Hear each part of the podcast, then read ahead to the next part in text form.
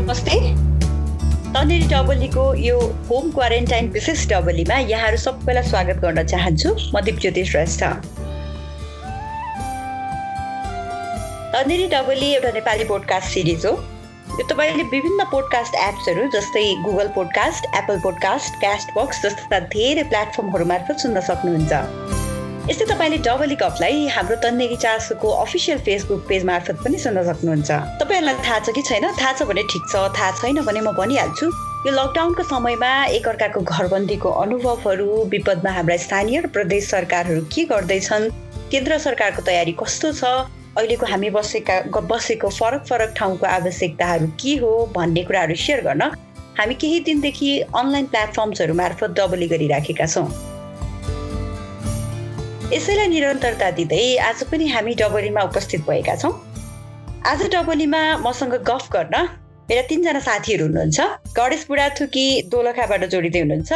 यसै गरी शिवनाथ यादव वीरगन्जबाट जोडिँदै हुनुहुन्छ भने नवीन सिलवाल यहीँ काठमाडौँबाट जोडिँदै हुनुहुन्छ। आज वैशाख बाह्र वैशाख बाह्र भन्न साथै हामीलाई त्यो दिनको याद आउँछ जुन दिन हामी ठुलो ट्रेजेडी भएको थियो हाम्रो यसमा। हामीले कहिले नसोचेको सङ्कटको सामना हामीले गर्नु परेको थियो कहिले नसोचेको कहिले नदेखेको अथवा कल्पनासम्म पनि नगरेको त्यो विपदको घडीबाट हामी गुज्रनु परेको थियो। अहिले पनि त्यो वैशाख बाह्रको स्मरण गर्दाखेरि त्यो दिनको वैशाख बाह्र बहत्तरको वैशाख बाह्रको स्मरण गर्दाखेरि मन एकदम आत्तिन्छ। जिउमा काँडा उम्रिन्छ। एकदम डर लाग्छ लौ भन्ने जस्तो।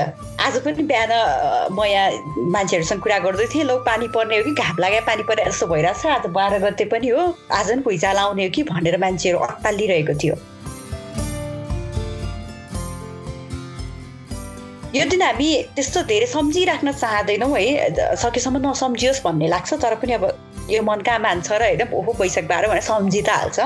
यसो हेर्दाखेरि बिर्सिनु पनि हुँदैन यो दिन। यो दिन के कारणले बिर्सिनु हुँदैन कि यो दिनले हामीलाई धेरै पाठ सिकाएर गएको छ।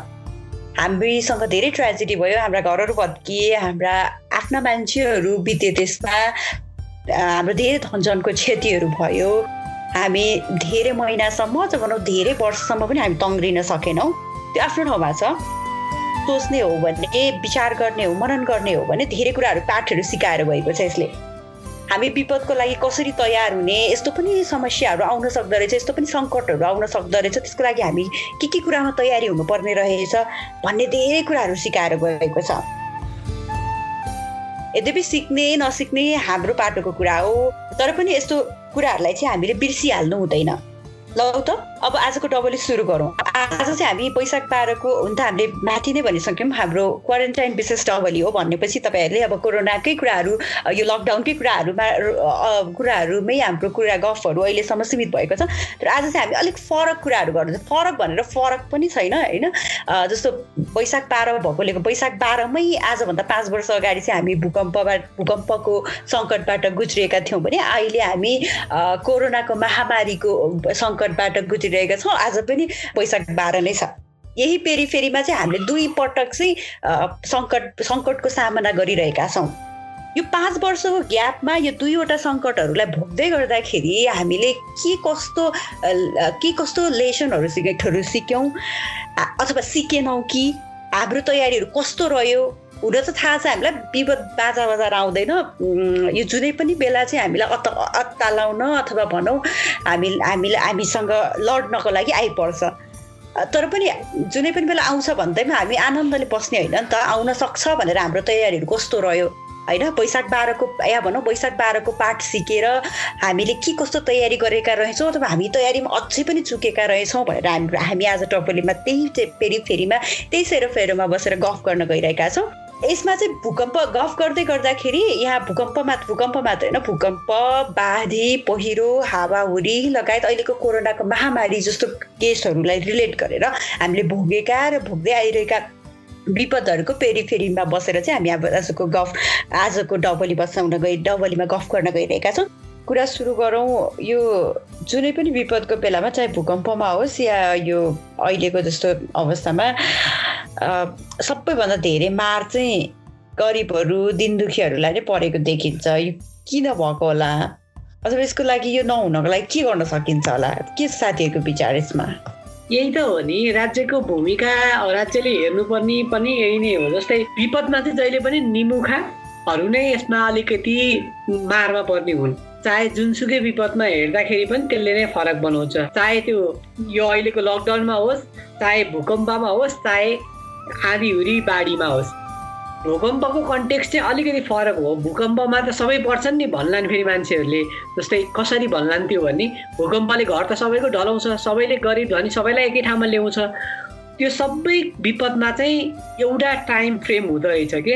एउटा यस्तो बेला यस्तो पोइन्ट हुन्छ त्यो पोइन्टमा चाहिँ सबैजना एकै ठाउँमा आउँछ। तर जब त्यो पोइन्ट त्यो पल त्यो घडी बित्छ नि त्यसपछि चाहिँ त्यहाँ ठ्याक्कै डिफ्रेन्स देखिहाल्छ कि? त्यो हरेक विपदमा त्यस्तै हुन्छ। विपदमा चाहिँ जहिले पनि हामीले पहिलादेखि देखिरहेछौँ नि त हरेक विपदहरूमा चाहिँ जहिले पनि मर्कामा पर्ने भनेको अलिकति आर्थिक स्तर अलि निम्न आर्थिक स्तर भएकाहरूलाई पहिलो सुरुमा एट्याक गर्छ यसले होइन? जस्तै मानौँ कोरोनाले चाहिँ अलिकति एजेड मान्छेलाई चाहिँ पहिला एट्याक गर्छ र उसको त्यसको चान्स बढी हुन्छ भने जस्तै यसले गर्ने भनेको हरेक डिजास्टरले पहिलो एट्याक गर्ने भनेको निम्न आय भएको मान्छेहरूलाई हो। सो सरकारले यसको बारेमा अलरेडी प्लान गर्न सक्दैन। स्थानीय सरकार छ को मान्छे के छ सबै वडाको एउटा राम्रो प्रोफाइल तयार गरेर बस्न सक्दैनौँ। हामी मात्र होइन विश्वमा सबै देशहरूमा ठुला साना केही केही विपदहरू आइ नै रहन्छ। सो अब चाहिँ हामी यो पल्टपल्ट लर्न गरेर त्यस्तो केही एउटा सिस्टम बनाउने हो कि? जहिले पनि विपदमा चाहिँ नागरिकहरू जो आज आफ्नो घाँस बाँस कपासको लागि सङ्घर्ष गरिरहने वर्ग जुन छ त्यो वर्ग चाहिँ हाम्रा राजनीतिक दलले चाहिँ भोट ब्याङ्कको रूपमा प्रयोग गरिराखेको छ। चुनावको बेलामा चाहिँ उहाँहरू को लागि दैनिक भोज भत्तेर गरिदिनुहुन्छ उहाँहरूसँग जानुहुन्छ बुझ्नुहुन्छ भोट नपाउन्जेलसम्मको लागि चाहिँ त्यो श्रमिक वर्ग मजदुर वर्ग जो बिहान काम गरेर बेलुका खान्छ त्यसरी जो गर्ने वर्गहरूसँग चाहिँ टच हुनुहुन्छ भोटको लागि। तर भोट त्यही उहाँहरूको भोट जितेर जो मान्छे जितेर जानुहुन्छ सांसद बन्नुहुन्छ प्रधानमन्त्री बन्नुहुन्छ अथवा जनप्रतिनिधिहरू मेयर अध्यक्ष बन्नुहुन्छ त्यहाँ पुगिसकेपछि चाहिँ विपदको बेलामा उहाँहरूलाई जति आवश्यकता पर्छ त्यो आवश्यकता चाहिँ उहाँहरूले महसुस गर्नु हुँदैन। जतिखेर चुनावको बेला आउँछ त्यतिखेर उहाँहरू सम्झिनुहुन्छ। तर चुनावभन्दा बाहेकको अरू समय चाहिँ उहाँहरू आफ्नै एउटा त्यो लेयर छ त्यो भित्र बसेर रमाउनुहुन्छ। उहाँहरू आधारभूत आवश्यकताको बारेमा त्यति धेरै चिन्ता हुँदैन त्यसकारण अहिले पनि पाँच वर्ष अगाडिको भूकम्पको समयमा राहत वितरण गर्दाखेरि र अहिले दैनिक आवश्यक पर्ने सामानहरू त्यस्ता नागरिकहरूको लागि चाहिँ सरकारको कुनै पनि निकाय संवेदनशील भएको छैन। त्यो संवेदनहीनताले गर्दाखेरि चाहिँ मिडियामा पनि हामीले प्रशस्त सुनिराखेको छ देखिराखेको छ। उहाँहरूको वेदना घाँसको घाँस जो गर्न नसकेको बस्न नसकेको कैयौँ किलोमिटर हिँडेर यात्रा गरेको त्यो हिजो पनि कैयौँ दिन भूकम्पको समयमा पनि पाल एउटा पाल नपाएर चाहिँ खुल्ला आकाश मुनि जीवन बिताइराखेको सुत्केरी गर्भवती महिलाले चाउचाउ खाएर बाँचेको हिजोको त्यो परिस्थिति ठ्याक्कै आज पनि विपद फरक थियो तर ठ्याक्कै आज त्यही दोहोरिराखेको छ। त्यसरी हेर्दाखेरि चाहिँ हाम्रा जुन जिम्मेवार निकायहरू छ त्यो निकायहरू चाहिँ अझ विशेष गरी जनताको लागि राजनीति गर्ने राजनीतिक दलका नेताहरू त्यहाँबाट जितेर गएका सांसद जनप्रतिनिधि प्रधानमन्त्री मन्त्रीहरू चाहिँ विपदको बेलामा चाहिँ कहिले पनि सारथी बन्न सक्नु भएको छैन। यो चाहिँ विडम्बना हो। अब आउने विपदमा चाहिँ त्यस्ता नागरिक त्यस्तो वर्गलाई चाहिँ पहिलो प्राथमिकता राखेर सरकारले काम गर्नुपर्छ। अन्यथा चाहिँ त्यो नागरिकहरू को को समस्याले गर्दाखेरि चाहिँ सरकारलाई चाहिँ घाटा पुग्छ अथवा राजनीति गर्ने देश विकासको लागि राजनीति गर्ने भन्ने नेताहरूको लागि चाहिँ त्यो अभिश्राप हुन्छ। त्यस कारण त्यसमा ध्यान दिनुपर्छ। पक्कै पनि यो कुनै पनि महामारी होस् अथवा सङ्कटको समयमा सबभन्दा बढी मारमा पर्ने निमुखा जनता अथवा जो कमजोर पक्ष हो उही पर्छ। जेनरल यो सिस्टममा चलिराखेको सामान्य अवस्थामा त्यो निमुखा जनतालाई अथवा यो गरिबलाई सरकारसँग त्यति वास्ता पनि हुँदैन। सरकार उसलाई सरकारले के गरिरहेको छ कस्तो निर्णय ल्याइरहेको छ उसको काम के भइरहेछ धेरै चाहिँ टच हुँदैन सरकारसँग। अथवा भनौँ न एउटा अभिभावक र एउटा जुन बाँकी सदस्यको जुन भूमिका हुन्छ यसरी सामान्य रूपमा जीवन बितिरहेको छ भने त्यो परिवारको मान्छेलाई त्यो अभिभावकले कहाँबाट खोजेर ल्याइरहेको छ के गरिरहेको छ भन्ने चाहिँ त्यति खोजी नीति हुँदैन। तर जब समस्या पर्छ जब भोक लाग्छ जब नयाँ कपडा किन्नु पर्छ जब चाडपर्व आउँछ अथवा केही दुःख पर्छ जाडो हुन्छ गर्मी हुन्छ केही समस्या पऱ्यो भने अभिभावकलाई खोज्ने हो। ठ्याक्कै अहिलेको समयमा स्थानीय तहले आफ्नो आम जनतालाई भन्दा जुन कमजोर वर्गका छ जो विपन्न वर्ग छ उसलाई चाहिँ आफ्नो अभिभावकत्व देखाउनु पर्ने समय हो। जेनरल मान्छे अथवा जोसँग पहुँच जोसँग पावर छ उसको लागि त अहिले पनि हेरौँ न लकडाउनमा हेरौँ न त नयाँ पार्टी दर्ता भइरहेको छ।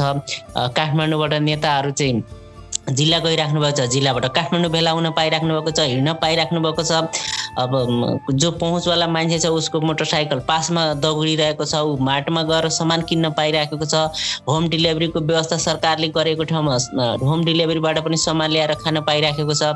होला उसको अलिकति बढी क्षति होला जुन बिजनेस व्यापारमा होला।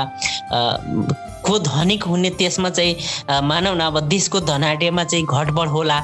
तर दैनिक पेट पाल्नैको लागि त्यसलाई समस्या हुँदैन। र यस्तोमा महामारीमा विपदमा सबभन्दा दुःखमा पर्ने भनेको आम जनता विपन्न गरिब हो। र यो सरकार पनि आम जनताको यो विपन्नको लागि सरकार हो भनेर नै यो व्यवस्था गरिएको छ अथवा लोकतन्त्र आएको छ। तर हाम्रो लागि के छ भने आम जनताको लागि हेर्नुपर्ने सरकार विपन्न परिवारलाई हेर्नुपर्ने सरकार निमुखा जनतालाई सेवा दिनुपर्ने पेट भर्ने काम गर्नुपर्ने सरकार अलमलमा पर्छ। जब जब आफ्नो जनताले आफूले मत दिएर जिताएको जनताको लागि काम गर्नुपर्ने समय आउँछ अवस्था आउँछ त्यो बेला सरकार कहीँ न कहीँ चुकिराखेको हुन्छ कहीँ न कहीँ कुनै न कुनै बाहनामा पन्छिराखेको हामी देख्न सक्छौँ र यो हुनु हुँदैन भन्ने कुराले नै हामीले जहिले पनि एउटा जवाबदेता अथवा प्रश्न गरिरहेका हुन्छौँ कि जो धनिक छ उसलाई आवश्यकता छैन सरकारलाई। उसले त सरकारलाई उल्टै सहयोग गर्न सक्छ र अहिले गरिराखेको पनि छ। उदाहरण हेर चौधरी ग्रुपले सरकारलाई केही राहतका सामग्रीहरू उपलब्ध गरायो। त्यस्तै चलिरहन्छ। तर एउटा निमुखा जनतालाई उसको चुलो बाल्नको लागि जुन आवश्यकता पर्छ त्यो चाहिँ अभिभावकले पुरा गरिदिनुपर्छ। स्थानीय तह होस् प्रदेश सरकार होस् सङ्घीय सरकार होस् आफ्नो अभिभावक त देखाउनु समय नै महामारी अथवा विपदको घडीमा हो। र जनताले सम्झिने याद गर्ने यही समय हो। मैले अघि पनि भने आफ्नो परिवारको मेम्बरले जब भोक लाग्छ जब उसलाई चिसो लाग्छ उसलाई गर्मी लाग्छ त्यो बेला आफ्नो अभिभावकलाई खोज्छ र आफ्नो आवश्यकता पुरा गर्नको लागि अपेक्षा राख्छ। र अहिलेको समय पनि त्यस्तै छ। निमुखा जनता गरिब असहाय अब अहिले पनि सरकारले राहत वितरणलाई जुन भनेको छ असङ्गठित मजदुर जो चाहिँ दैनिक ज्यालादारीको काम गरेर खाने गर्छन् दैनिक ज्यालादारीमा उसको परिवार पालिएको हुन्छ त्यहाँ चाहिँ सहयोग पुर्याउनु पर्ने हुन्छ।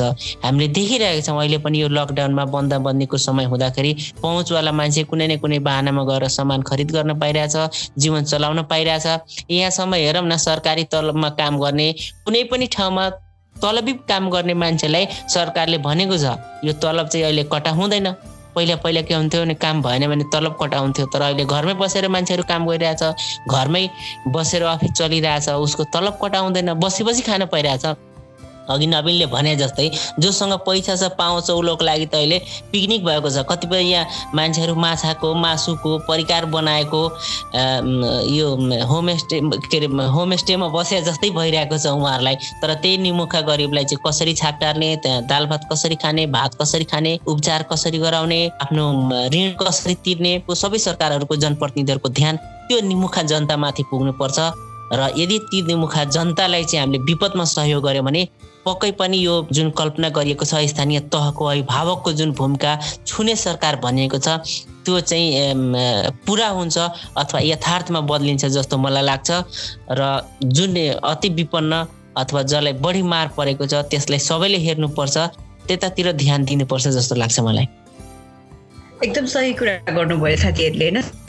शिवनाथले भन्नु भएको जस्तै जस्तो सरकारले अरू बेला के निर्णय लिन्छ के कुरा गर्छ उनीहरू के कुरामा अमल राखेको हुन्छ उनीहरूको आन्तरिक किचलोहरूमा एकदमै केही केही ग्रुप बाहेक अथवा केही सङ्ख्या बाहेक अरूलाई जो दैनिक गुजारा गर्नलाई आफ्नो काममा हेलिरहेको हुन्छ होइन? आफ्नो गरी खानेहरूको लागि त्यो कुराले खासै मान्य राख्दैन होला। उनीहरूले त्यसमा चासो पनि देखाउँदैनन् उसले परे कहिले प्रश्न पनि गरेनन् होला कहिले केही पनि गरेनन् होला। तर विपदको बेलामा चाहिँ साँच्ची नै सरकार चाहिन्छ। सरकार महसुस हुनुपर्छ किनकि हामीले सरकारलाई अभिभावक भन्छौँ नि त। अनि विपद विपद पनि एउटा यस्तो गाह्रो समय हो जसमा चाहिँ उसले आफूले त्यो भएको सरकारलाई जसलाई चाहिँ म कर तिर्छु होइन? जसलाई चाहिँ म आफ्नो भागबाट कटाइ कटाइ कर तिरेर कर तिरेर बालिरहेको छु त्यस्तो सरकारको चाहिँ महसुस हुनुपर्छ। यो बेलामा चाहिँ उसले मेरो लागि केही गरिदिए हुन्थ्यो होइन? मलाई मेरो अलिक दैनिकीलाई सहज बनाइदियो हुन्थ्यो। विपदसँग उनीहरू पनि जुझ्नलाई उनीहरूलाई पनि त्यस्तै कठिन भइरहेको हुन्छ नि त। सो यस्तो बेलामा चाहिँ सरकारले विभिन्न बिहान बनाएर आज भोलि गरौँला पर्सि गरौँला या यस्तो गरौँला यति त गरिहालेको छ नि भन्ने जस्तो कुनै पनि बाहनाहरूबाट चाहिँ ऊ उस उम्किन सक्दैन कि किनकि उसको दायित्व नै यही हो होइन? गणेशले चाहिँ आजकल अलिक धेरै यो विपद व्यवस्थापनको कुराहरूलाई चाहिँ अलिक जस्तोमा इन्ट्रेस्ट लाग्ने भएर बजेटहरूको कुराहरू यताउता हेरिरहेको छ होइन? गणेशमा के लाग्छ? विपद व्यवस्थापनमा चाहिँ हामी कतिको रेडी छौँ अहिले पनि होइन? वैशाख बाह्र पछिको अहिलेसम्मको ट्रेन्डहरू हेर्दाखेरि चाहिँ हामी विपद व्यवस्थापनको कुराहरूलाई लिएर कतिको सिरियस रहेछ अथवा हाम्रो बजेटहरूमा हाम्रो नीति तथा कार्यक्रमहरूमा त्यो कतिको चल्किँदो रहेछ गणेश? हामीले यो पाँच वर्ष अगाडि आजभन्दा ठिक पाँच वर्ष अगाडि भूकम्पको पीडामा बस्नु पर्यो। अहिले हामी कोरोनाको पीडामा छौँ अघि तपाईँले पनि भनिसक्नुभयो। यो पाँच वर्षको बिचमा चाहिँ हामीले यो विपदको चाहिँ दुइटै प्रकारहरू हामीले बग्यौँ एउटा प्राकृतिक विपद भूकम्प थियो। अहिले हामी गैर प्राकृतिक विपदमा छौँ कोरोनाको महामारीमा छौँ। र यो बिचमा यो दुईवटा विपदको बिचमा अरू धेरै अघि तपाईँले भने जस्तै तराईमा हावाहुरी त्यसपछि डुबान शीतलहरको कुरा आयो भने अरू ठाउँमा बाढी पहिरो हिमपात यस्ता अनेक विपदको चाहिँ सामना कुनै न कुनै समय हामीले गरिराखेका छौँ र यो चलिरहने प्रक्रिया जस्तो पनि लाग्छ मलाई। सबै यो विपदको बारेमा हेर्दाखेरि चाहिँ जम्मा विपदको चाहिँ तिनवटा चरण हुँदो रहेछ क्या अनि यो तिनवटा चरणमा चाहिँ हाम्रो सरकारले कहाँसम्म काम गर्यो? यो सबै भूकम्पदेखि अहिले कोरोनासम्मको आएर जोड्दाखेरि चाहिँ त्यसमा काम गर्यो कि गरेन?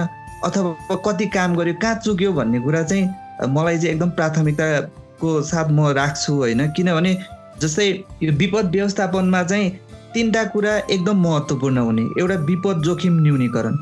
जहिले पनि हाम्रो सरकार चाहिँ विपद आएपछि विपद आउनुभन्दा अगाडि निदाएको हुन्छ र विपद आएपछि चाहिँ बिउजिन्छ। भनेको यो विपद जोखिम न्यूनीकरणमा चाहिँ विपदको सम्भाव्य क्षेत्रहरूमा को त्यो जोखिम कहाँ छ? त्यसको विश्लेषण गर्नुपर्ने मूल्याङ्कन गर्नुपर्ने विपद रोकथामको लागि गर्न सकिने के के उपायहरू छ? जोखिम कसरी कम गर्न सकिन्छ भनेर त्यसको बारेमा तयार हुनुपर्ने। तर सरकार जहिले विपद आउँछ विपद आएपछि मात्र बिउजिन्छ। त्यही भएर पहिलो चरणमै हामी जुनसुकै विपदको पनि विपद जोखिम न्यूनीकरण गर्न के गर्ने चरणमै हामी चुकेको छ? हाम्रो सरकार चुकेको छ। त्यसकारण यो चरणमै चुकेको सरकार भएको कारणले गर्दा पनि त्योभन्दा पछाडि आउने चरणहरूमा चाहिँ भयावह स्थिति हुन्छ। यो अर्को दोस्रो चरण भनेको चाहिँ विपद प्रतिकार्य भन्ने हुँदो रहेछ। त्यो भनेको चाहिँ विपद आइहाल्यो भने विपदको लागि तत्काल उद्धारको कुराहरू होला खोजको कुराहरू होला तत्काल मानिसलाई आवश्यक पर्ने राहतको कुराहरू होला कस्तो खाले विपद छ त्यसले के कुराको आवश्यकता महसुस गराउँछ? भन्ने कुरामा हाम्रो तयारी नै रहने रहेछ। दोस्रो चरणमा हामी त्यसमा राहतको कुरामा तत्काल भूकम्प गइहाल्यो भने भूकम्पको लागि मानिसको घाँस बाँसको कुराहरू जोडिन्छ भने घाँस बाँसमा सरकार कहाँनिर तयारी छ? तयारी गरेको छ त भन्दा तयारी गरेको देखेन। त्यही भएर अहिले पाँच वर्ष पछाडि हामी कोरोनासँग लडिरहँदाखेरि कोरोना आइहाल्यो भने के गर्ने भन्दा अहिले पनि अधिकांश ठाउँमा परीक्षण हुन सकेको छैन। मान्छेहरूको चेक जाँच हुन सकेको छैन। मान्छेहरूलाई राहत दिन सकेका छैन मान्छेहरू जहाँ छ उनीहरूलाई खुवाउन सकेको छैन व्यवस्थापन गर्न सकेको छैन। त्यसकारण यो विपद प्रतिकार्यमा पनि नेपाल सरकारले योजनाबद्ध रूपमा काम गरेको चाहिँ देखिएन। अनि अर्को भनेको चाहिँ विपद पछिको पुनर्लाभसम्मको क्रियाकलापहरू पर्छ। यो तेस्रो चरण हो जुन चाहिँ विपद सकिसकेपछि पुनर्लाभ भनेको चाहिँ जस्तै पुनर्स्थापनाको कुराहरू आउँछ पुनर्निर्माणको कुराहरू आउँछ र विपदबाट को चाहिँ जोखिममा पर्यो त्यो जोखिममा परेको क्षेत्र पहिचान गरेर चाहिँ उनीहरूलाई सहयोग गर्ने कुराहरू आउँछ। यो दीर्घकालीन कुरा हो। अब यसमा भूकम्प जोड्नु पर्यो भने भूकम्पको पाँच वर्षमा पुनर्निर्माण सक्ने भनेको थियो पुनर्निर्माणको काम गर्ने भनेको थियो। तर यो योजनाबद्ध रूपमा हामी पहिलो चरणदेखि नै हामी कमजोर कमजोरी गर्दै गर्दै आएको कारणले अहिले पनि पुनर्निर्माण अलपत्र छ। पुनर्निर्माण सम्भव हुन सकेको छैन। यो वर्ष को बजेटमा पनि पुनर्निर्माणलाई चाहिँ सम्पन्न गर्ने भनेर नेपाल सरकारले बजेटको व्यवस्थापन गरेको छ। तर पुनर्निर्माणको लागि यो वर्ष नेपाल सरकार एक खर्ब एकचालिस अर्ब रुपियाँ विनियोजन गरेको छ यो वार्षिक बजेटमा। तर अहिले के देखिन्छ भने यो पुनर्निर्माण सम्पन्न हुन सक्दैन। अहिले महामारीमा छ कोरोनाको अवधिमा छौँ। कोरोनाको अवधिमा पनि अहिले नेपाल सरकारले दुई अर्ब चौतिस करोड रुपियाँ चाहिँ अर्थ मन्त्रालयबाट निकासा गरेर खर्च भएको छ। यो चाहिँ विपद व्यवस्थापन कोष भन्ने सरकारले बजेटमा विपद व्यवस्थापनको लागि चाहिँ पैसा छुट्याएको हुँदो रहेन रहेछ। जब विपद आइपरिसकेपछि कुन क्षेत्रलाई पैसा दिने कस्तो खाले विपद हो त्यो अनुसार चाहिँ अर्थ मन्त्रालयसँग सरोकार गरेर चाहिँ उसले बजेट व्यवस्था गर्दै जाँदो रहेछ। त्यही भएर विपद व्यवस्थापन कोष पनि सञ्चालनमा आएको छ त्यसको निर्देशिका बनेर त्यसलाई कसरी खर्च गर्ने भनेर आएको छ। यो चाहिँ अहिलेको अवस्थामा गरेको यो यसको पूर्व तयारी चाहिँ थिएन। त्यस कारण यो तिनवटा चरणमै हाम्रो सरकार चुकेको छ हाम्रो सरकारले चाहिँ यो तिनवटा चरणलाई नै व्यवस्था गरेको छ। जे आउँछ जे पर्छ टरिहाल्छ नि भन्ने स्थितिबाट हेरेको चाहिँ देखेँ मैले विपद व्यवस्थापनमा। तर म चाहिँ यसलाई यसरी हेर्छु। विपदमा हामीले नसिकेका पाठ भन्नुपर्छ क्या जस्तै यसमा चाहिँ हामीले कति कुराहरू चाहिँ रिपिट एन्ड रिपिट रिपिट गरिरहेछौँ क्या गल्तीहरू। सो त्यो कुराबाट चाहिँ हामी लर्न गरेर अगाडि जाने कहिले सबैभन्दा महत्त्वपूर्ण कुरा चाहिँ त्यो पनि हो। जस्तै आज हामीले हामीले तन्देरी चासोबाटै भूकम्पपछि हाम्रा साथीहरूले हामी आफ सबैजनाले आफ्नो त्यो बेलामा कुराहरू लेखेका थियौँ। अनि त्यो कुराहरू लेखेर हामीले त्यत्तिकै राखिरहेको थियौँ। अनि आज पनि देश विपदमा छ डिजास्टर नै भनौँ यसलाई। अनि हामी यो विपदमा हुँदाखेरि चाहिँ त्यो साथीहरूको कुराहरू पढिरहँदाखेरि चाहिँ हिजो अस्ति हामीलाई पढिरहँदा के लाग्यो भने अहिले हामीले आ जे भोगिरहेछौँ त्यो कुरा त आ भूकम्पको बेलामा पनि समाउ भोगेको कुराहरू त एउटै रहेछ। त्यो कुराहरूलाई त्यो कुराहरूबाट हामीले के सिक्यौँ त भन्ने कुराहरू मेन प्रश्न हुन्। किनकि हामीले त्यहाँबाट त्यति धेरै कुराहरू लर्न गर्नै सकेका छैन। हामी चाहिँ के गरिरहेछौँ भने सधैँ हामी नयाँ कुराहरू चाहिँ नयाँ नयाँ कुराहरूमा हामी विपदको बेलामा एकदम बसेर सोच्दो रहेछौँ यो गर्नुपर्ने यस्तो हुनुपर्ने यसरी गर्नुपर्ने भनेर। जब विपद टर्यो विपद गइसकेपछि हामी त्यसलाई फेरि सम्झिँदै सम्झिन्नौँ अनि त्यसको लागि हामी तयार भएर बस्नै नबस्ने एउटा सबैभन्दा ठुलो समस्या त्यहाँ छ।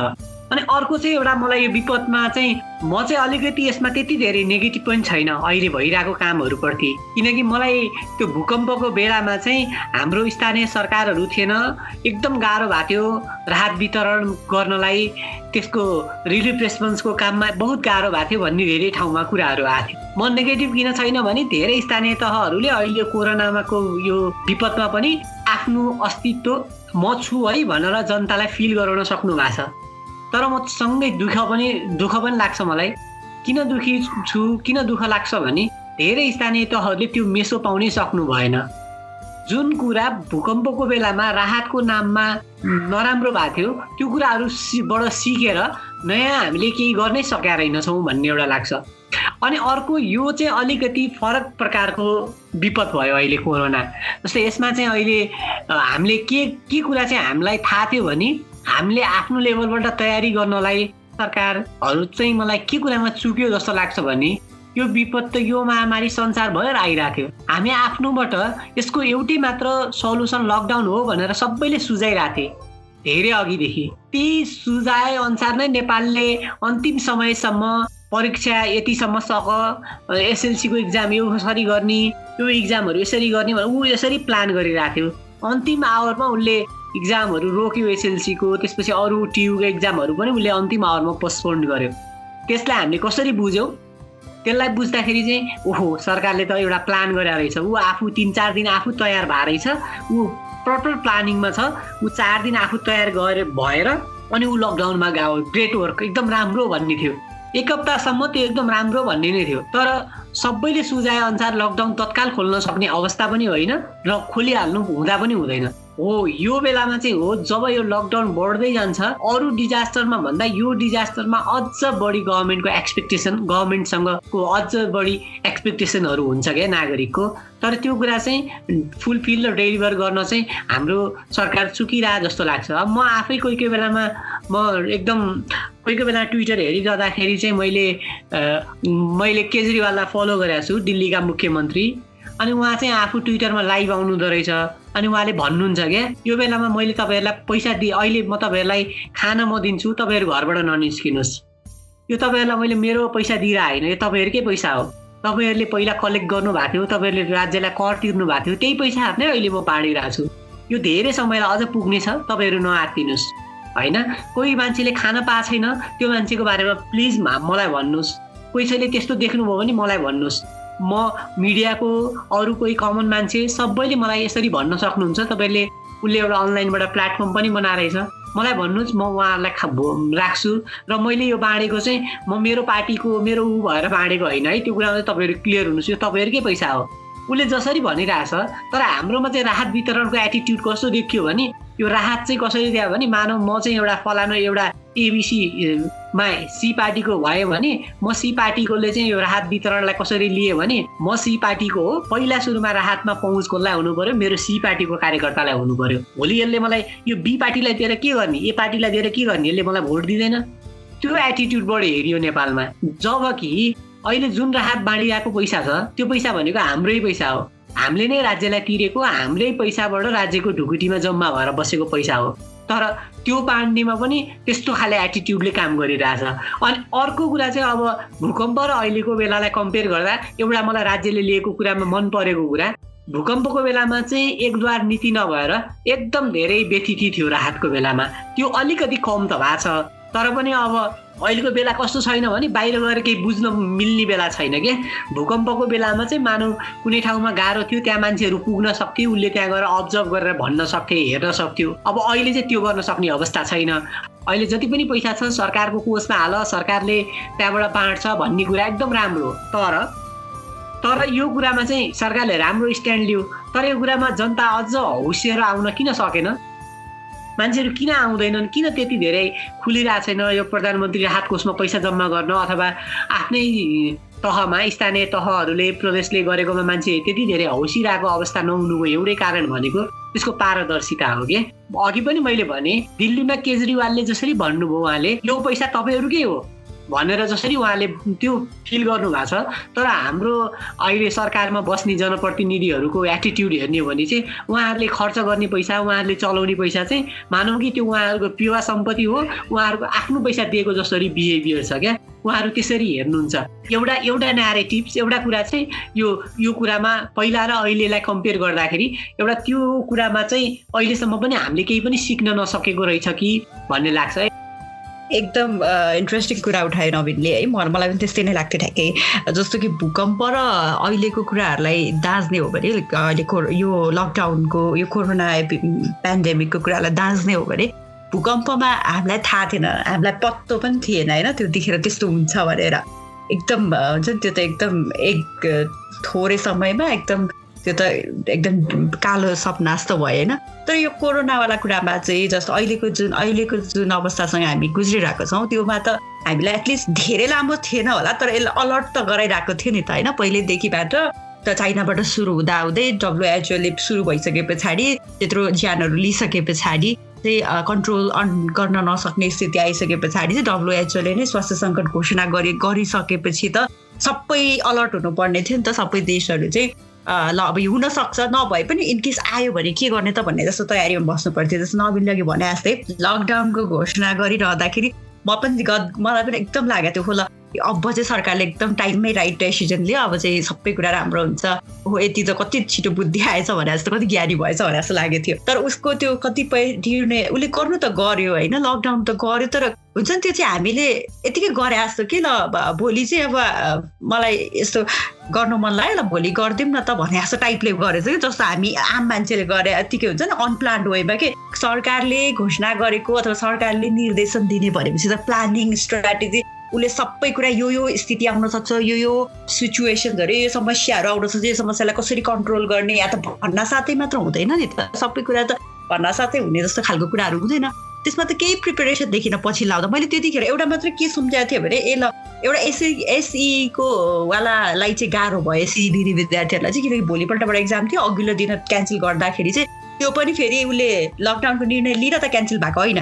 एक घन्टै कति घन्टा पछाडि सबैले जनदबाब बढिसके पछाडि सामाजिक सञ्जालहरूमा सबैमा दबाब मान्छेहरूले दबाब दिइसके पछाडि बल्ल फिर्ता लिएको। भनेपछि हामी कति बेलामा चाहिँ कति धेरै अनप्लान्ड रहेछ त होइन? जस्तो सरकार जस्तोमा सरकारले कुनै कुराको निर्णय लिँदाखेरि त उनीहरू त प्लान हुनु पर्थ्यो नि त होइन? हामीले यत्तिकै भोलि यस्तो गरौँ पर्सि यस्तो गरौँ भने जस्तो कुरो होइन नि त यो त। यसले त लार्जर मान्छेलाई असर गर्छ होइन? सबै यो त बाहिर विदेशमा भएको नेपालीहरूदेखि लिएर देशभित्र रहेको नेपालीहरूदेखि लिएर धनी गरिब मध्यम सबै खालको एउटा ठेलामा गाडा के अरे ठेलगाडामा मोमो बेच्ने चटपट बेच्नेदेखि लिएर होइन त्यो सा ठुल्ठुलो होटल सबैलाई असर गर्छ नि त उसले यस्तो सबै कुराहरूको बारेमा त सोचेर त्यति त बुद्धि लाउनु पर्थ्यो होइन त्यति त गर्नु पर्थ्यो भन्ने लागेको तर त्यो गरेन त्यो चाहिँ यो चाहिँ यो खालको ऊ चाहिँ अब यो खालकोमा चाहिँ भूकम्पको हेर्दा यो बेलामा चाहिँ अलिक अलिकति भए पनि विपद त हो थाहा छ त्यो त हामी बुझ्छौँ नि सबै कुरा रातारात यौँ भने जस्तो त नहुन सक्छ तर पनि प्रिपेरेसनको एङ्गलबाट फेर्ने हो भने एकदमै धेरै कमजोर देखिएको छ। यो पालि पनि चुकेकै छ चुकेकै भन्दा फरक पर्दैन। यो कोरोनावाला कुरामा त धेरैमा चुकेको छ। यस्तै चाहिँ अब म शिव शिवनाथबाट कुरा बुझ्न चाहन्छु सोध्नुभन्दा पनि उहाँको अनुभव चाहिँ त्यसो उहाँहरू पनि के हो भन्दाखेरि यहाँ भूकम्पको कुराहरू गऱ्यौँ किनकि हामी तिनजना चाहिँ अहिले भूकम्प प्रभावित ठाउँबाट भएर पनि होला भूकम्प आफैले भोगेको भएर त्यो कुराहरू निस्क्यो शिवजी चाहिँ तराईबाट हुनुहुन्छ तरमा चाहिँ अझ भूकम्प त हामीले एकचोटि वैशाख बाह्रमा त्यो आयो त्यो पछि पराकम्पनहरू आइरहेको छ। तर त्यो चाहिँ हाम्रो सायदै हामीले अहिलेसम्म भोगेको सबैभन्दा ठुलो विपद होला होइन? अब यो असार साउन लाग्दैछ होइन? असार साउनमा त झन् अब यो बाढीको कुराहरू आउँदै गर्छ। आउने अब सुरु हुन पनि थालिसक्यो। अस्तिको साल झन् यो हावाहुरीको विपदले त एकदमै ठुलो तहल्कै मचायो तराईमा होइन? अब डेङ्गु र शीतलहर शीतलहरको कुराहरू जतै आइरहेको हुन्छ। डेङ्गुले नि बेला बेलामा अब स्वास्थ्यकै कुराहरू लिँदाखेरि डेङ्गुले पनि बेला बेलामा उत्पात मचाइरहेको हुन्छ। यस्तो यति धेरै सङ्कट बेहोरिरहेको त उहाँहरूको ठाउँहरूमा कस्तो छ अहिलेको अहिलेको यो कुरो के के सिक्यो होला? सिकेर अहिलेको त्यहाँ त उस्तै भन्नुपर्दा हामीतिरको भन्दा अझ धेरै त्यहाँ त एकदम स्ट्यान्ड बाई यो विपद व्यवस्थापनको मामलामा त स्ट्यान्ड बाई हुनुपर्ने नि त होइन? स्थानीय सरकार सबैजना त्यहाँ चाहिँ कस्तो छ तयारी? के छ? होइन? के के सिक्यो? के केमा चुक्यौँ? अथवा उहाँले हेर्नु भएको अहिले त्यहाँ तराईमा सङ्क्रमणहरू पनि देखिरहेको वा उहाँको ठाउँमा वीरगन्जमै त अहिले सङ्क्रमण पनि देखिरहेको छ। यस्तो अवस्थामा चाहिँ कस्तो कस्तो देख्नुभयो उहाँले? उहाँकै अनुभव पनि सुनाउ न त है। पक्कै पनि आज वैशाख बाह्र गते यो महाभूकम्पको पाँच वर्ष पुगेको छ। अघि अब तिनैजना साथीहरू प्रत्यक्ष रूपमा भूकम्पमा परेको त्यो दुःख कष्ट भोगेको अनुभव गरेको हुनुहुन्छ भने हामी पनि त्यो भूकम्पको बेला यहाँ वीरगन्जमा बसेर त्यो बुझिरहेका थियौँ हामी पनि त्यो दर्दमै थियौँ। यो दुःखहरू भनौँ न महामारी भनौँ विपदहरू आइ नै रहन्छ।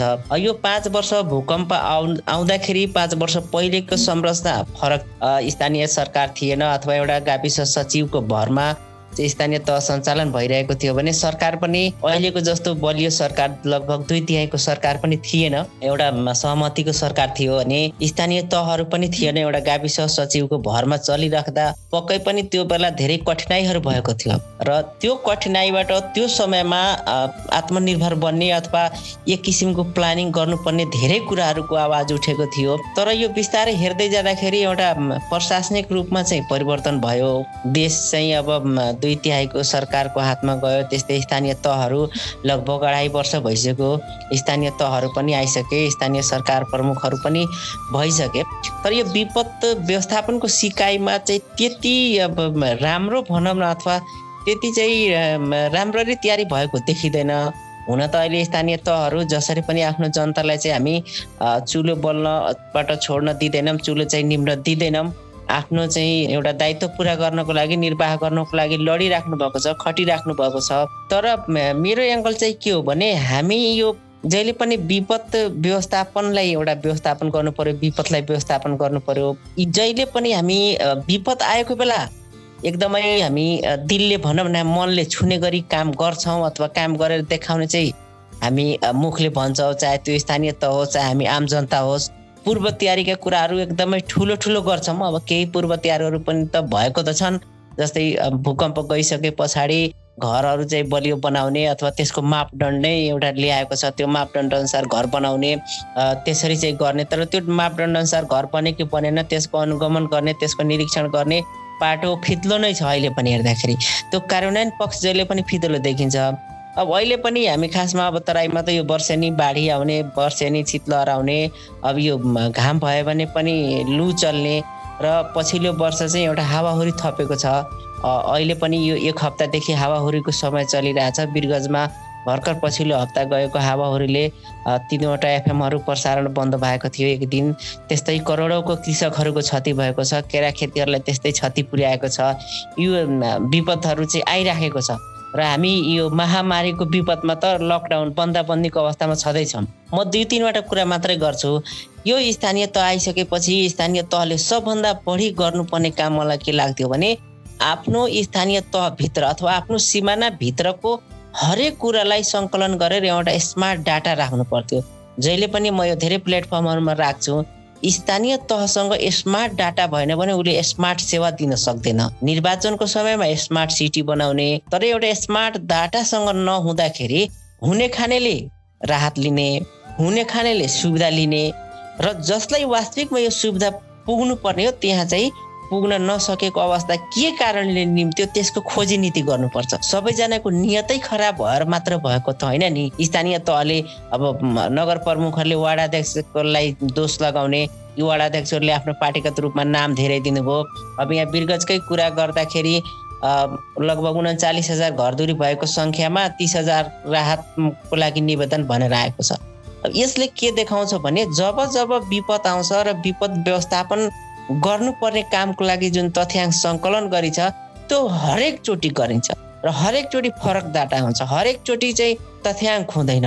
यसको लागि के बुझिन्छ भने विपद व्यवस्थापनको लागि चाहिने तथ्याङ्क चाहिने पूर्व तयारी चाहिने नीति नियमहरू कमजोर छ स्थानीय तहमा अझ। अहिले अहिलेको पनि महामारीले देखाइरहेको छ र हामीले जुन खरिद गरेर राख्नुपर्ने जुन रकमहरू छुट्याउनु पर्ने त्यो पनि कमी कमजोरी हुन्छ। हो एउटा कुरा चाहिँ के हो भन्छ भने विपद आएन भने त्यो पैसा खर्च हुँदैन कोषमा पसिरहेको छ हा विपद आयो भने गरिहालिन्छ नि भन्ने किसिमको सोच राखेर बजेट चाहिँ कम छुट्याइन्छ। तर त्यस्तो होइन। त्यो त एउटा बास्केटको रूपमा रहिराख्ने कुरा हो नि। त्यो चाहिँ खेर जाने कुरा होइन। त्यही भएर स्थानीय सरकारहरू सबभन्दा जिम्मेवार चाहिँ यसमा देख्नुपर्छ र सँगसँगै प्रदेश सरकारले पनि विपदको मानेमा यो प्रदेश दुई भनौँ अथवा तराईका जिल्लाहरूमा यो जहिले पनि चाहिँ तयार भइराख्नुपर्छ। जहिले पनि।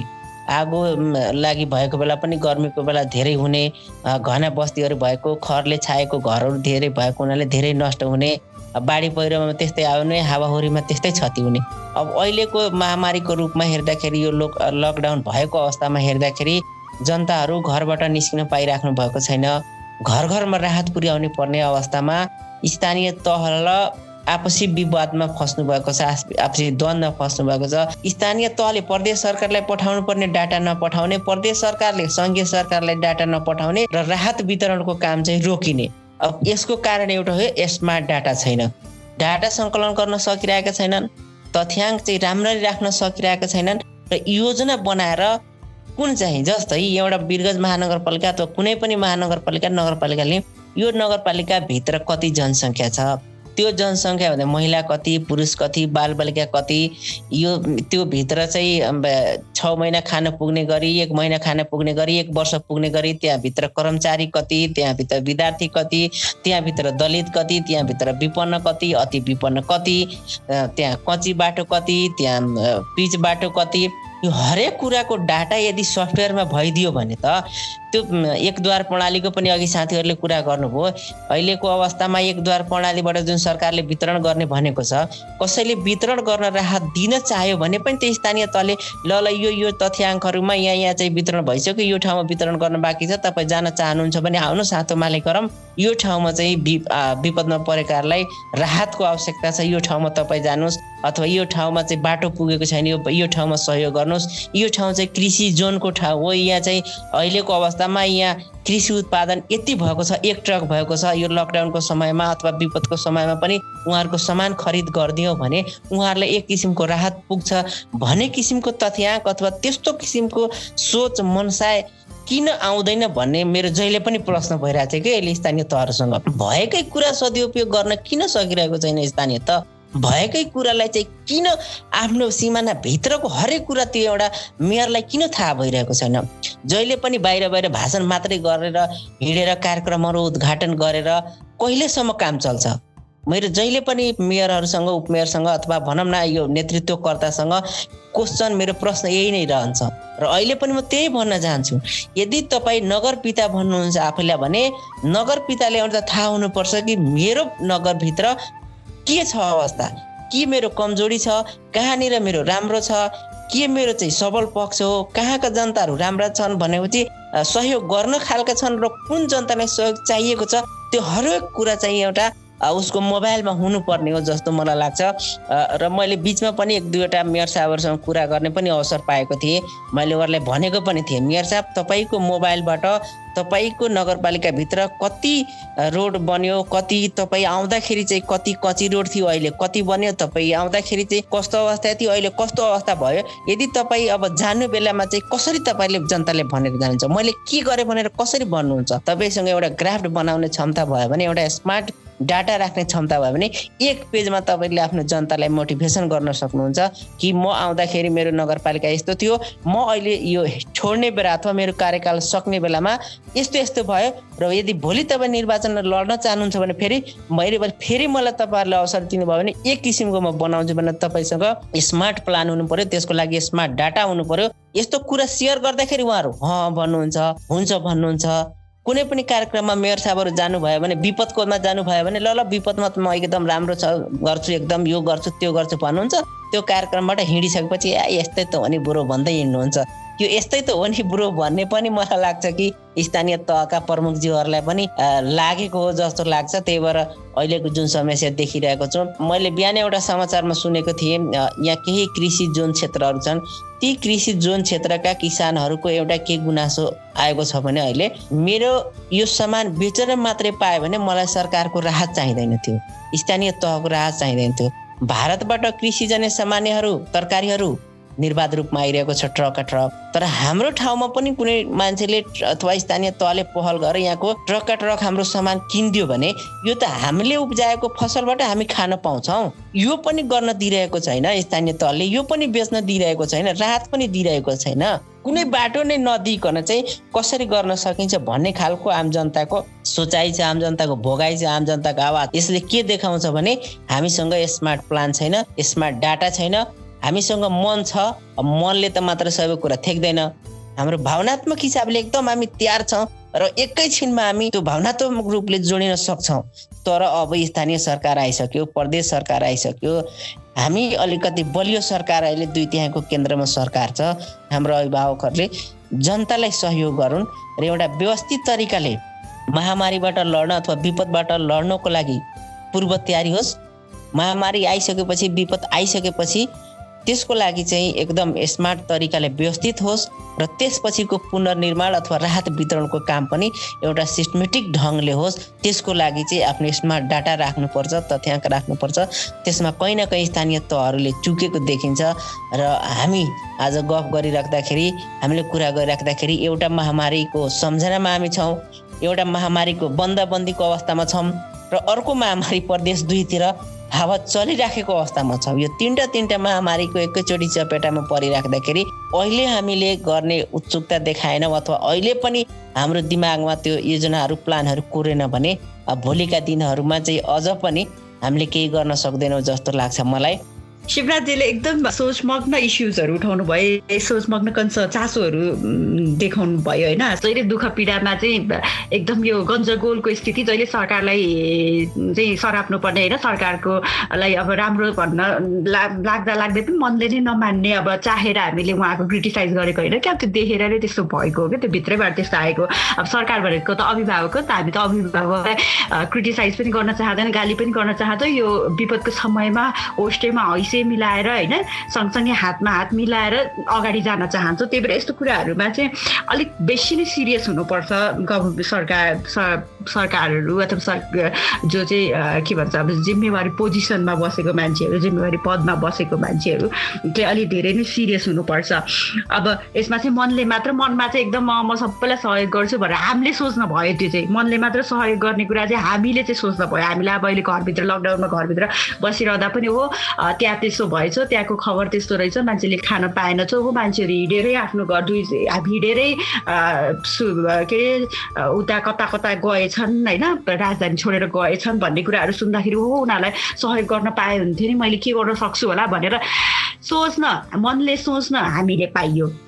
तर सरकारले त्यस्तो सोच त्यसरी सोचेर मात्र पुगेन। सरकारको काममा चाहिँ उनीहरूले गर्नै पर्यो त्यो। होइन कसरी लाने हो? भोक भोको छन् मान्छे भने त्यो भोकोलाई कसरी पेट भराइ भराउने हो?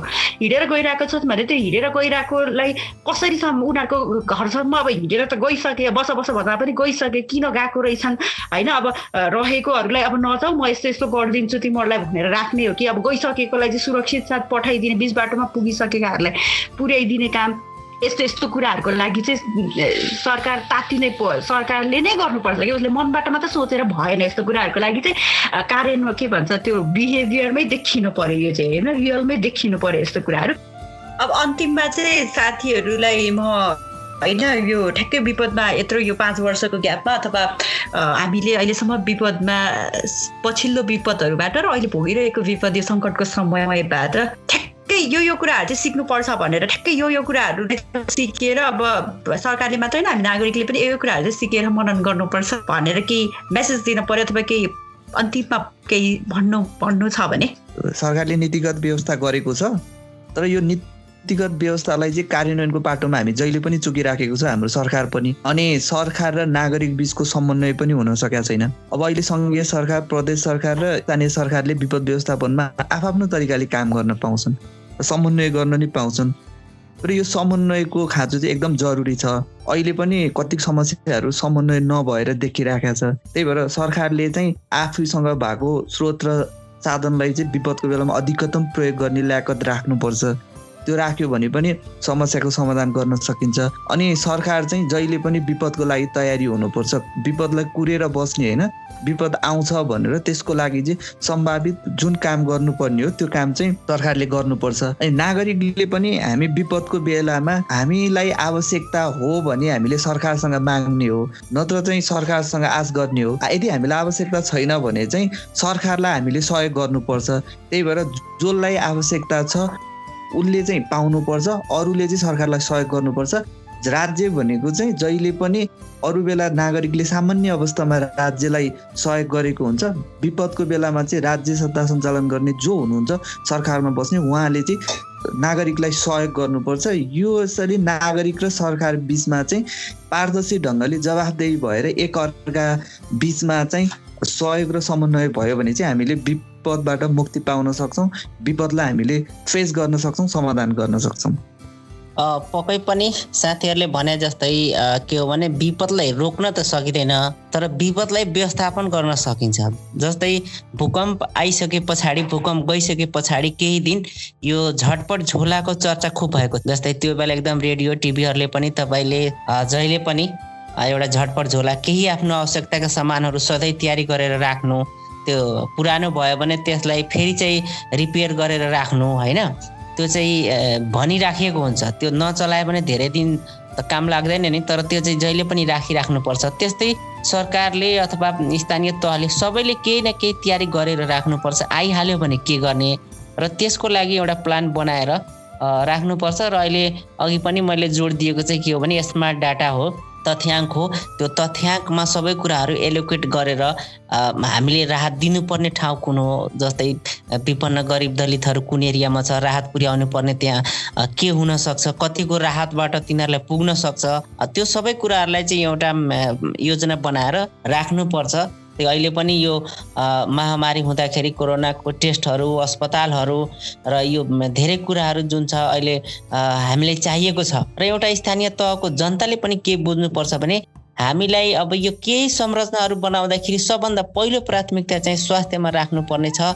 यो कुरा चाहिँ बुझ्न एकदमै जरुरी हुन्छ। जुन बेला पनि हामीलाई स्वास्थ्यको चाहिँ आवश्यकता पर्छ स्वास्थ्य संस्थाको आवश्यकता पर्छ जस्तै अहिले हामीले भोगिरहेछौँ। एउटा स्वास्थ्य सुविधा भएको अस्पतालहरू नभएका कारण जनकपुरदेखि लिएर यता पुरै तराईको सबै चेक गर्नुपर्ने अथवा अहिले राख्नुपर्ने अवस्था वीरगञ्जलाई भइरहेको छ अथवा स्थानीय तहहरूमा दक्ष जनशक्ति छैन। तर हाम्रो बजेट कहाँ खर्च भइरहेको हुन्छ?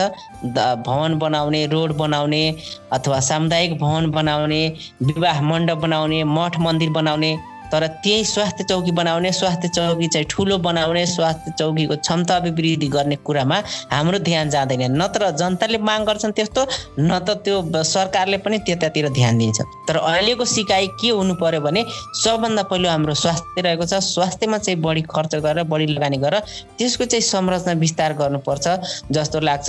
र पक्कै पनि अहिले जुन किसिमको अब सरकारहरूले भोगिराख्नु भएको छ दुःख भोगिराख्नु भएको छ यहाँसम्म कि जनताहरूले घेराबन्दी गरिराख्नु भएको छ।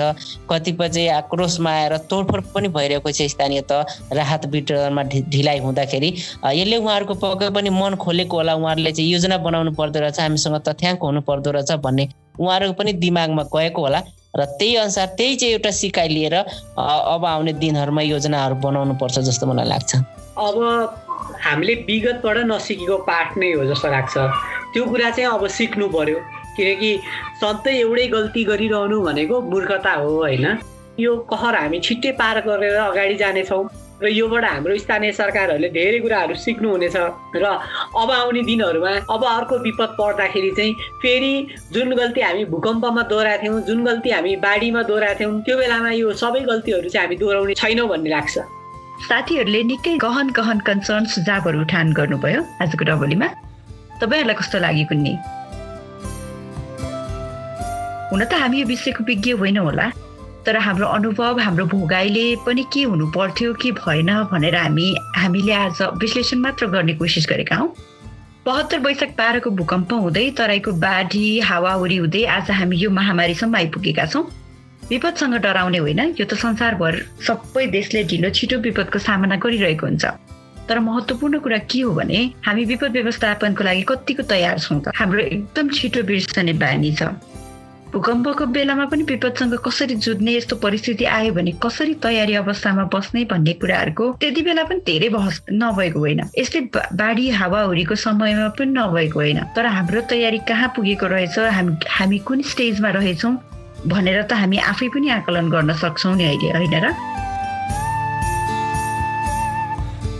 यति भन्दै गर्दा धेरैले सरकारले केही नगरेको हो त? कति नेगेटिभ भएको यिनीहरू पनि भन्न सक्लान्? तर सोचौँ त विपदमा सबैभन्दा महत्त्वपूर्ण अहिलेसम्म महसुस भएको कुरा के हो भने घाँस र बाँस। अनि त्यही घाँस र बाँस पनि व्यवस्था गर्न कैयौँ दिनसम्म सरकारको सरकार अल्मलिरहन्छ भने हामीले के भन्ने? जुनै पनि विपदमा राहतको कुरा आउँछ यो राहत भनेको नै मलाई लाग्छ स्थिति सामान्य नभएसम्म तपाईँहरू यसले गुजारा गर्नुहोस् भन्ने भन्ने सहयोग हो। हरेक विपदमा राहतको जरुरत हुन्छ भन्ने पनि थाहा छ। के भनेको खानेकुरा पर्छ अनि केस हेरेर बस्ने कुराहरू पर्छ। भनेपछि विपदको बेलालाई भनेर अरू बेला पनि विपदमा चाहिने कुराहरूको जो हो कसरी गर्ने भनेर जिम्मेवार पदमा भएकाहरू रेडी अवस्थामा बस्नु पर्दैन र त्यही माथि हामी त डिजास्टर पोर्न देश भनेर भनिन्छ त्यसैले विपद बाजा बजार पक्कै आउँदैन तर त्यो आउनु चाहिँ आउँछ है भन्ने पोजिसनमा हामी जहिले बस्नुपर्छ। त्यो बेलाको भूकम्पमा होस् या अहिलेको लकडाउनमा सबैभन्दा बढी मार गरिब निमुखाहरूलाई नै परेको छ। अघि हामीले पनि यो बारेमा धेरै धेरै कुरा भनिसक्यौँ। उनीहरूको लागि भूकम्प र अरू विपदबाट नसक नसके पनि प्लिज यो लकडाउनबाट सिकौँ। स्थानीय तहहरू अझैबाट लागि पर्नुहोस् तपाईँको ठाउँमा यदि अप्ठ्यारो स्थितिमा आए स्थिति आएको खण्डमा को कोलाई चाहिँ इमिडिएट सहयोग गर्नुपर्ने हुँदो रहेछ डेटाहरू राख्न थालिहाल्नु अघि साथीहरूले भन्नुभयो जस्तै जहिले क्षति भएपछि गाह्रो भएपछि अनि चार पाँच दिन चाहिँ यो सङ्कलन ऊ सङ्कलन भन्दै धेरै समय पनि एनर्जी पनि पनि वेस्ट भयो कि। एक त समयमा गाह्रो परेकोहरूले राहत पाएनन्। अर्को तपाईँहरूको पनि राम्रो सन्देश गएन बाहिर। मेरो सरकार भेटिएन भोट माग्ने बेलामा मात्र हामी चाहिने जस्तो कुरा सुन्नु परेन नि त। यदि हामी टाइममै प्रिपेयर भयौँ भने त्यसैले यतातिर पनि सोचौँ है। अब चाहिँ ध्यान दिनुहोस् है। पहिलाको विपदहरूमा स्थानीय सरकार नभएर गाह्रो भयो भन्ने कुराहरू आएको थियो। अब त तपाईँहरू हुनुहुन्छ। अब पनि घर गाउँको सरकार भएर पनि नभए जस्तो महसुस भयो भनेर तपाईँको नागरिकले भन्दा अलिक नमजा हुन्छ नि त। अलिक नमजा सुनिन्छ नि त।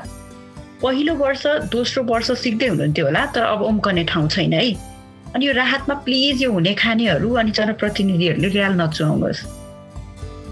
गाह्रो समयमा गाह्रो परेकैहरूमा राहतहरू पुगोस्।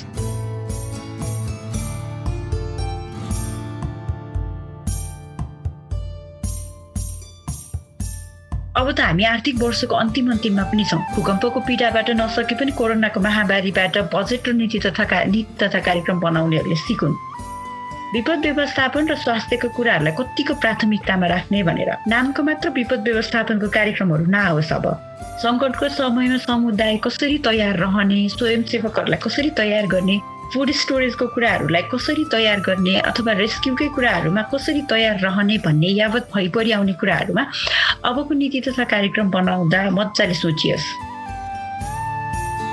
विपदको प्रकृतिहरू भलै फरक हुन्छन् तर कुन विपदमा को बढी प्रभावित हुन्छन् र उनीहरूको लागि के के गर्न सकिन्छ भनेर पनि सोच्नुपर्छ।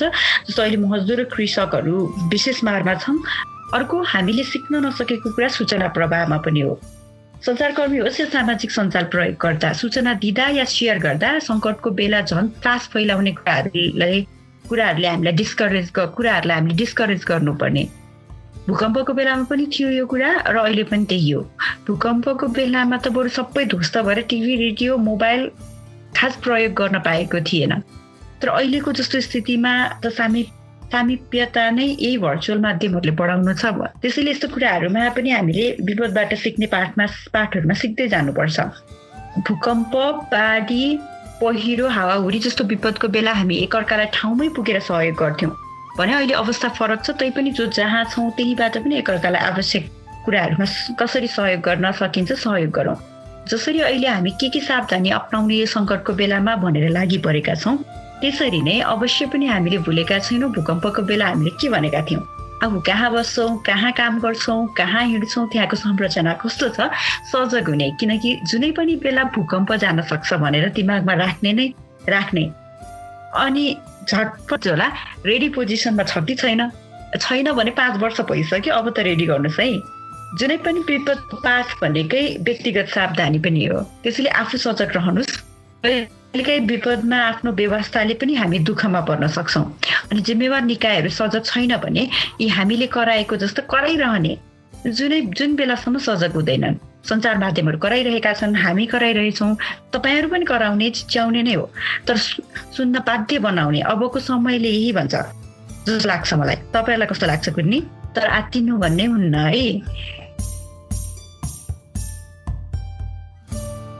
त्यत्रो महाभूकम्प भोगेर आएका हामी पीडादायी नाकादी भोगेका हामी आत्तिनुहुन्न विपदमा जहिले पनि संयमित बन्नुपर्छ। अहिलेसम्म विपदले सिकाएको पाठ पनि त्यही एकअर्कालाई भरोसा दिनुपर्छ। अनि दुःखका दिनहरू छिट्टै हट्नेछन् भन्नेमा आशावादी हुन सकिन्छ। अन्त्यमा सधैँ आश जगाउने हौसला दिने एउटा समाचारले हो। त्यो एउटाले अर्को गाह्रो परेकालाई सहयोग गर्ने हाम्रो बानी। फिलान्थ्रोपिक हर्ट्सहरू भनेको ती सम्पूर्ण परोपकारी मनहरू जसलाई त्यो बेलाको महाभूकम्पमा होस् तराईमा बाढीको बेला होस् हावाहुरीको बेला होस् या अहिले लकडाउनको बेला आफूले सकेको जानेको सहयोग गर्ने ती सम्पूर्ण परोपकारी मनहरूलाई हामी यही कार्यक्रम मार्फत नमन गर्न चाहन्छौँ। मनदेखि धन्यवाद भन्न चाहन्छु। यस्ता मनहरूले गर्दा पनि विपदको सामना गर्न धेरै आँट आउँछ भन्ने। अब आजको डबली टुङ्ग्याउन चाहन्छु साँच्ची जाँदा जाँदै म एउटा जानकारी पनि गराउन चाहन्छु। हाम्रो आफ्नै कुरा। हामीले आज डबलीमा त अहिलेसम्मको विपदबाट हामीले के सिक्यौँ के सिकेनौँ भनेर गफ गऱ्यौँ। आज तन्देरी चासोले पाँच वर्ष अघिको हाम्रा केही साथीहरूको भूकम्प भोग्दाको अनुभवहरू सेयर गर्दैछौँ। उहाँहरूले त त्यति बेला नै पठाउनु भएको थियो तर केही टेक्निकल प्रब्लमहरूले गरेर हामीले त्यसलाई पब्लिस गर्न सके सकेनौँ। तर आज हामीले यो पाँच वर्षमा त्यो हाम्रो भोगाइहरूबाट के सिक्ने भनेर आज हामीले हाम्रो पेजबाट प्रकाशित गरिरहेका छौँ। रुचि भयो भने पढ्नु होला है। तपाईँले महसुस गर्नुहुनेछ अहिलेको अवस्थामा खास परिवर्तन आएको छ छैन? भूकम्पको यी पाँच वर्षमा हामीले के सिक्यौँ के सिकेनौँ अब सबैले मन गरौँ। यद्यपि पुनर्निर्माणको पक्ष सकिन लाग्यो त्यो पनि केही खुसी हुने कुरा हो। अब छिट्टै पुनर्निर्माणको कामहरू सम्पन्न होस्। राजनीतिक स्थिरता होस् त्यो बेलामा विपदले सबैलाई जोडेर संविधान ल्याउन सफल भएको कुरा हामीले बिर्सेका छैनौँ। अब यो मिल्ने छुट्ने फुट्ने कुराहरू अहिले धेरै आइरहेको छ अहिलेको यो विपदको बेलामा पनि। यो सङ्कटमा उसै त त्रास हुन्छ यस्तो कुराहरू सुन्नु नपरोस्। सबै मिलेर लागि पर्नुहोस् यो सङ्कटबाट जुट्न हामी सबै तपाईँहरूको साथमा छौँ। यो विषयमा अझ गफ गर्नुपर्ने धेरै कुराहरू छन्। समयको परिधिले गर्दा आज सबै समेट्न सकेनौँ। फेरि कुनै अर्को दिन हामी यो बारे गफ गरौँला। तपाईँलाई आजको डबली कस्तो लाग्यो? जुनसुकै माध्यमबाट तपाईँ डबली सुन्दै हुनुहुन्छ हामीलाई फिडब्याक दिन नबिर्सिनु होला अझ हामीले के विषयमा गफ गरिदिए जस हुन्थ्यो जस्तो लाग्छ त्यो पनि भन्नु होला है यदि पनि हामीमा आएर गफ गर्न मन लागेको छ भने पोडकास्ट एट तन्ने चासो डट नेटमा इमेल गर्नुहोला। अथवा हाम्रो तन्ने चासोको फेसबुक पेजमा मेसेज अथवा कमेन्ट गर्नुहोला। भन्दै आजको डबलीबाट हामी चारैजनालाई बिदा दिनुहोस् नमस्ते!